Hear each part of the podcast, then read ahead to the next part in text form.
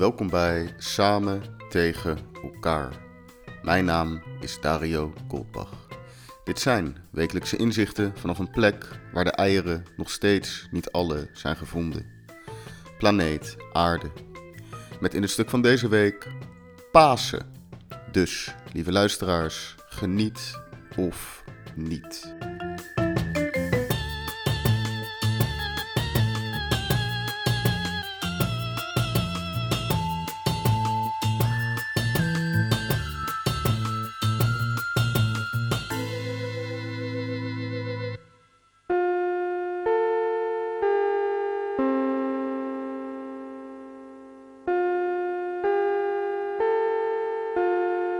Het hoofdprogramma gaat reeds van start.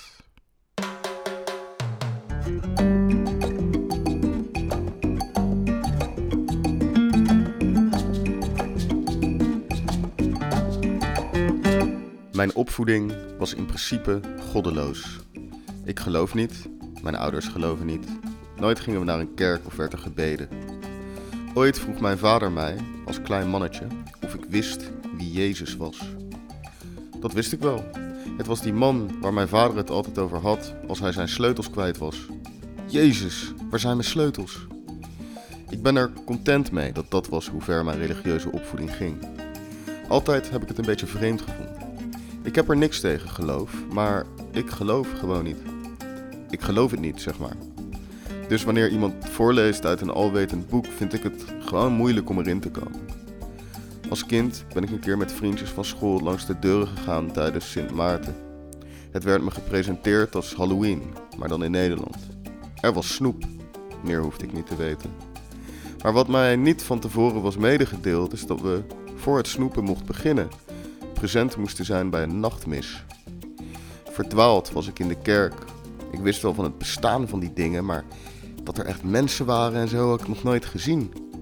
Ik vond het allemaal grappig, een beetje onwerkelijk. Er waren kaarsen en iemand las wat voor waar ik geen touw aan vast kon knopen. Toen bleek dat iedereen daar het zeer serieus nam, besloot ik mijn koest te houden. Nadien pelde ik bij mijn vriendjes hoe zij er nou in stonden, maar ik stuitte vooral op ongeloof.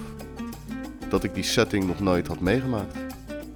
Uiteindelijk mochten we toch snoep verzamelen. Dus al met al was het een geslaagde avond en een miswaard. Ondanks mijn goddeloze opvoeding is het niet te ontkennen dat ik alsnog uit een christelijke cultuur kom. Ik vier Pasen, Kerst en tegen het vrije Pinksterweekend heb ik ook nooit geprotesteerd.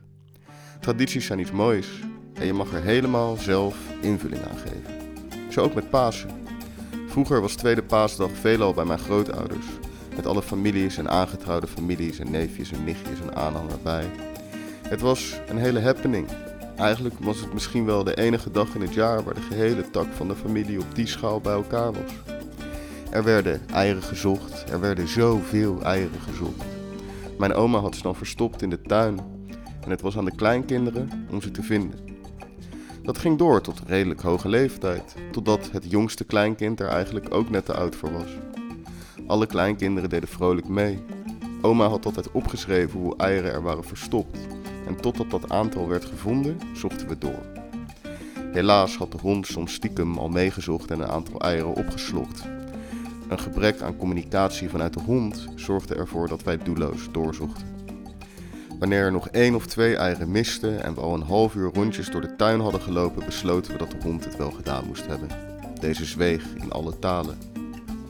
Heel soms, een handjevol keren, gebeurde er iets magisch en vond iemand zowaar een ei van vorig jaar. Een ei wat zo goed verstopt was dat zelfs de hond het in een jaar speuren niet tegen was gekomen. Daar hoopt hij op. Je hoopt erop om een verloren ei te vinden. Wetend dat je iedereen en de hond een jaar te slim af was geweest. Altijd heb ik het een vreemde traditie gevonden, eieren zoeken. En die paashaas, wat heeft het nou te maken met Jezus, de kruisiging en zijn wederopstanding? Natuurlijk is eieren zoeken iets kindvriendelijker dan als oma in de tuin kleine chocoladekruizen voor ons had verstopt. Maar ja, veel bijbelverhalen zijn ook niet echt voor alle leeftijden. Ik heb wat gegoogeld en kwam wat tegen over eieren en hazen in mythologieën over de symboliek van geboren worden, wat dan weer rijmt met de wedergeboorte enzovoorts. Maar eigenlijk wilde ik het helemaal niet weten. Ik sloot de YouTube-filmpjes van de History Channel af. Soms is het leuke aan tradities dat je dingen doet en niet helemaal weet waarom. Je doet het samen, elk jaar. En dat is wat telt.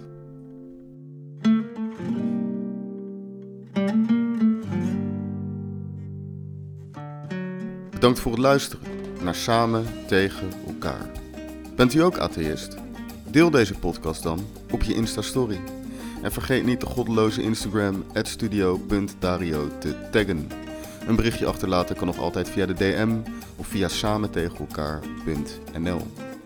Mijn naam is Dario Goldbach en ik dank u hartelijk.